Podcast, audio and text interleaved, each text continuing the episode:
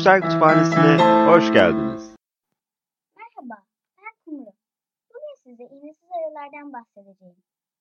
Bal arılarının yakın akrabası olan melipolinin iğne yapıları kaybolmuştur. İğneleri olmayan bu arılar kendilerini ve türlerini korumak için farklı yöntemler geliştirmişlerdir.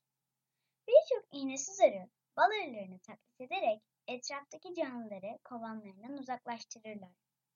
Bunun için de güçlü çenelerini kullanıp davetsiz misafirlerinin gözlerine, burunlarına saldırarak onları ısırırlar.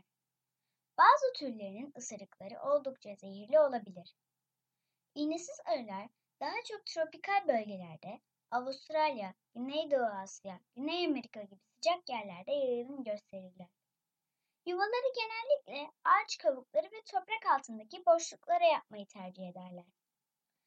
Ve polen üretimleri sebebiyle Avustralya ve Brezilya'da yerli üreticilerinin dikkatini çekmişlerdir.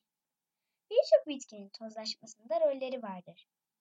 Bu arıların ballarını ve propolislerine sağlığımıza birçok faydası bulunmaktadır. Yüksek antioksidan ve antibakteriyel özellikleri taşıyan bir bal türü üretirler. Tropik bölgelerin insanlar tarafından tahrip edilmesi sonucu iğnesiz arıların soyları giderek azalmaktadır.